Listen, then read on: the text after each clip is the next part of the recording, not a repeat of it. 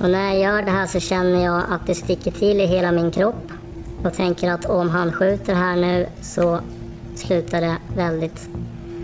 Ja, ja, då, då kan jag dö. Och precis här så börjar det smälla. Jag får platser, ta platser in i ditt sluta! Man nere, man nere. Det är den 2 augusti 2018 som tre poliser avlossar 25 skott mot Erik Torell. En 20-årig man med Downs syndrom. Och då säger då den här äldre polisen till mig att din son var beväpnad, han är beskjuten och är avliden. Och jag, och jag skriker att han kan inte ens vara hotfull. Han är klassad på tre års ålder.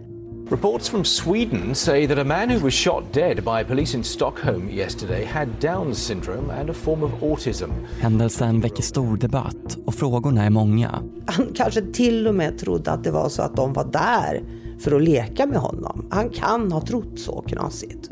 Alla som har levt nära barn eller som har barn har varit med om att de har stuckit iväg eller eh, rymt så som Erik gjorde.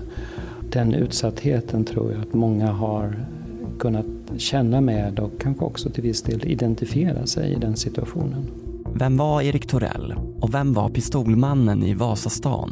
Han har ju absolut inte kunnat acceptera att hon har gått vidare och uh, har, ett, har ett nytt förhållande med en annan man. Uh, det är samma person som hade med mina sprängladdningar och så vidare. Vet du, det är samma kompis. Min enda reflektion då var, var väl att um, det är märkligt hur um, två till synes helt orelaterade händelser ändå kan påverka varandra. Det här är hela historien bakom ett av senare års mest uppmärksammade fall.